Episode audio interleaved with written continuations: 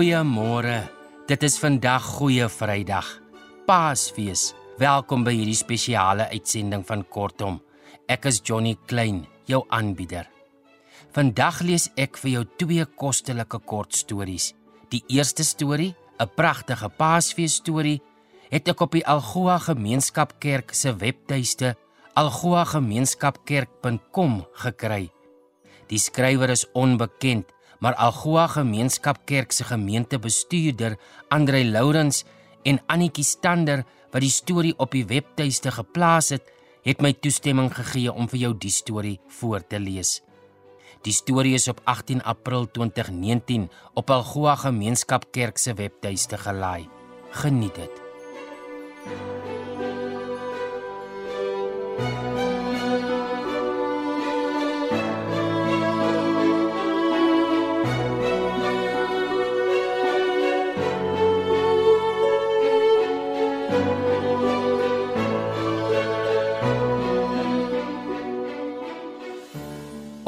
ons dorpie was daar 'n seentjie wat soos ons destyds gepraat het, gebreklik gebore is.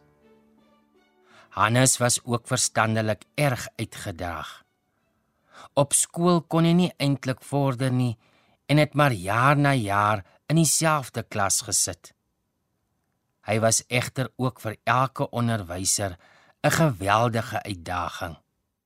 Want hy kon nie stil sit nie en het die hele dag lank gromgeluitjies gemaak wat baie steurend was. Om in sy teenwoordigheid te konsentreer was baie moeilik.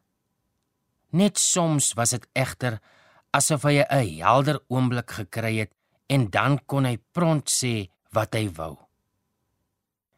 In sy 3de jaar in graad 2 het die skool 'n nuwe juffrou gekry wat van die begin af gedink het dit is nie 'n goeie ding dat hy in die gewone skool is nie. Nie vir hom nie en ook nie vir die ander 18 kinders in die klas nie. En allermins vir haar sene wees. Sy die ouers die volgende middag na skool laat kom en het vir hulle probeer verduidelik dat Hannes nie eintlik in die skool hoort nie. Die maat net saggies in haar sakdoek gehuil terwyl die pa probeer verduidelik het dat die naaste skool vir gestremdes 1000 km ver is.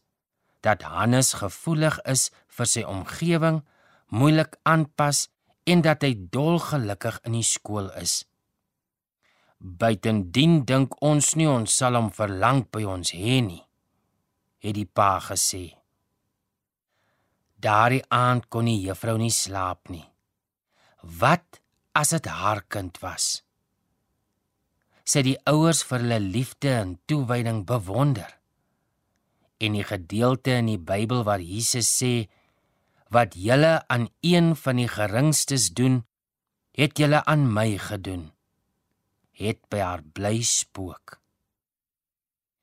Die volgende dag het sy die ouers gebel en gesê Hannes kan maar bly.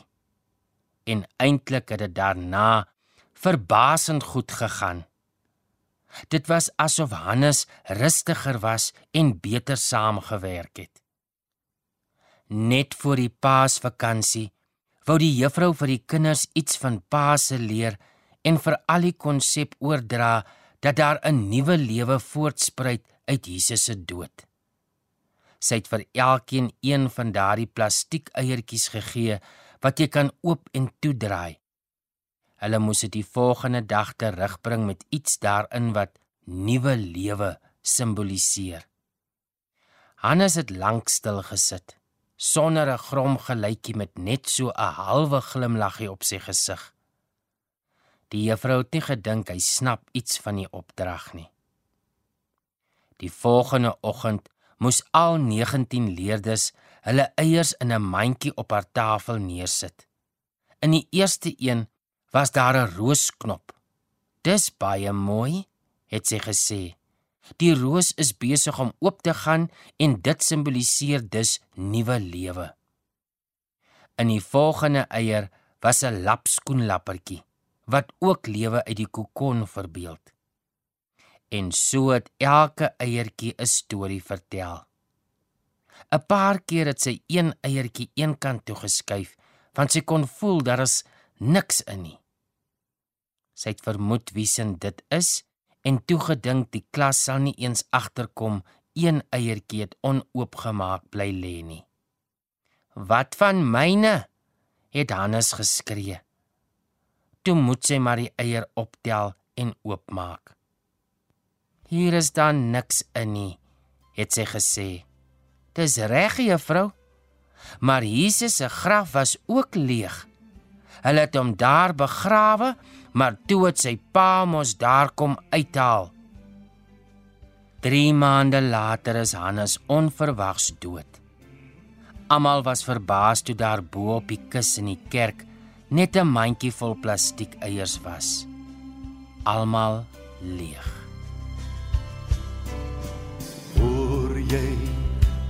Engelkore die hier lewe het opgestaan. Voel jy die hemel vrede laat ons met lof en eer na hom toe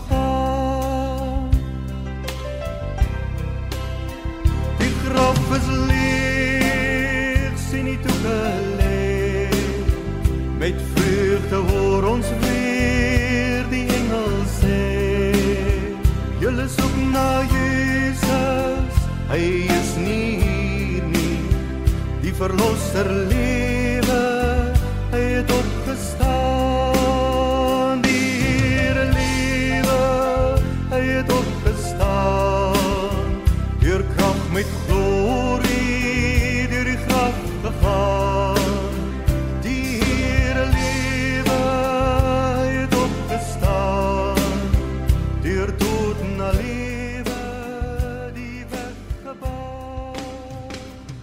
Dit was 'n pragtige Paasfees storie.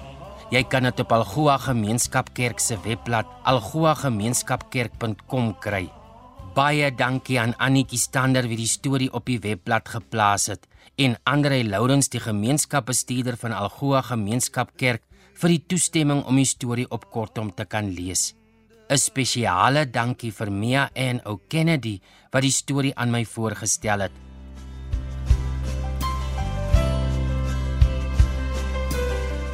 Die volgende storie wat ek vir jou gaan lees, kom uit die pen van Hans Du Plessis. Die storie se naam is Pase. Dis net so kostelik kort soos die vorige storie, maar herinner ons ook waaroor Paasfees nou eintlik gaan. Dit kom uit die bundel Splinters, 'n keer uit die rubrieke deur Hans Du Plessis. Lapa is die uitgewers. Geniet dit. Hoor jy die engelkore die Here lewe hy het opgestaan. Voel jy die hemel vrede laat ons met lof en eer na hom toe gaan. Toe was dit weer Paasnaweek. Die mense tou uit vakansieoorde toe en maak ongelukke op die paaie en jaag vir die naweek see toe of warmbron toe of wildtuin toe of gaan kuier sommer maar net. Terwyl dit dan tog nou vakansie is. Maar ons bly tuis, want as ek nou besluit om myself op die pad te verongeluk, dan verkies ek dat dit nie oor die Paasnaweek moet wees nie. Die hospitale en spreekkamers is dan te vol en ek pes dit om in 'n ry te moet staan of te lê. Dis dit dat ek nou besluit het om Saterdagoggend in die middel van die Paase my kope te loop koop terwyl almal nou weg is. Maar dit is toe net daar waar ek my liderlik vergis. Checkers sê 'n ou oomie hier langs my vir sy ou maat. Lyk vanmôre hier wragtig net soos Makwasi op Posdag. En as hy nie reg nie. Ek het gedog almal is weg uit die dorp uit. Maar nou smaak dit my almal het juis die môre ingekom dorp toe. Seker omdat almal besluit het dit sal lekker stil wees in die dorp. en hulle het selfs twee haas meisiekinders wat daar in die sentrum paasagtig ronddrentel en seker eiers of wat ook al loop en smous. En oral loop jy jou teen 'n paaseier vas en jy kry paasaanbiedinge op elke rak. Dit word erger as Kersfees, die uitbuitery bedoel ek nou. Selfs op die televisie en oor die radio en in die koerante word daar van paasetes vertel en paasresepte word uitgeruil. En almal verduidelik dat die paaseier nou eintlik nuwe lewe simboliseer. Nou sou ek dit alles nog kon gesluk het as dit nie was dat al hierdie klomp gepiep nog by die begin van die Europese lente pas Maar hier ver onder in die suidelike halfrond is ons so ver van lente af as wat kan kom. Maar nee, Europees wil ons Europees wees. Geen wonder nie. Nog Europa, nog Afrika begryp ons. So val ons mooi tussen die paase deur. Ons verstaan nie mooi waarom dit met die eier gaan nie en daarom het ons ook alweer skoon vergeet waarom dit met die Paase gaan. Dat dit eintlik om Christus en sy kruisiging gaan, lyk vir my het onbelangrik geword. Dat dit die eintlike feesdag vir die Christen is, dit is tog nie so belangrik nie. Dis vakansie en padmoord naweek en paaseiers dat Christus juis oor hierdie naweek vir ons gesterf het en opgestaan het, is mos nie so belangrik soos vakansie en sjokolade eiers nie.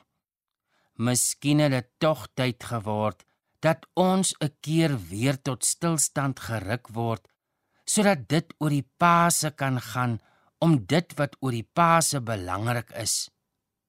Nuwe lewe in Jesus Christus.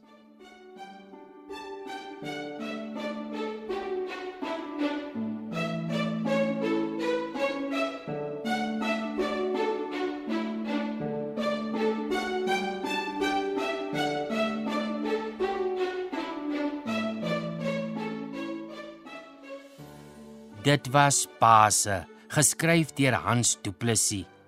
Ek glo jy het vandag se twee stories net so baie soos ek geniet. En nou moet jy Paasfees verder geniet. En onthou hoe kom ons dit vier. Tot 'n volgende keer, pas jou op en mooi bly.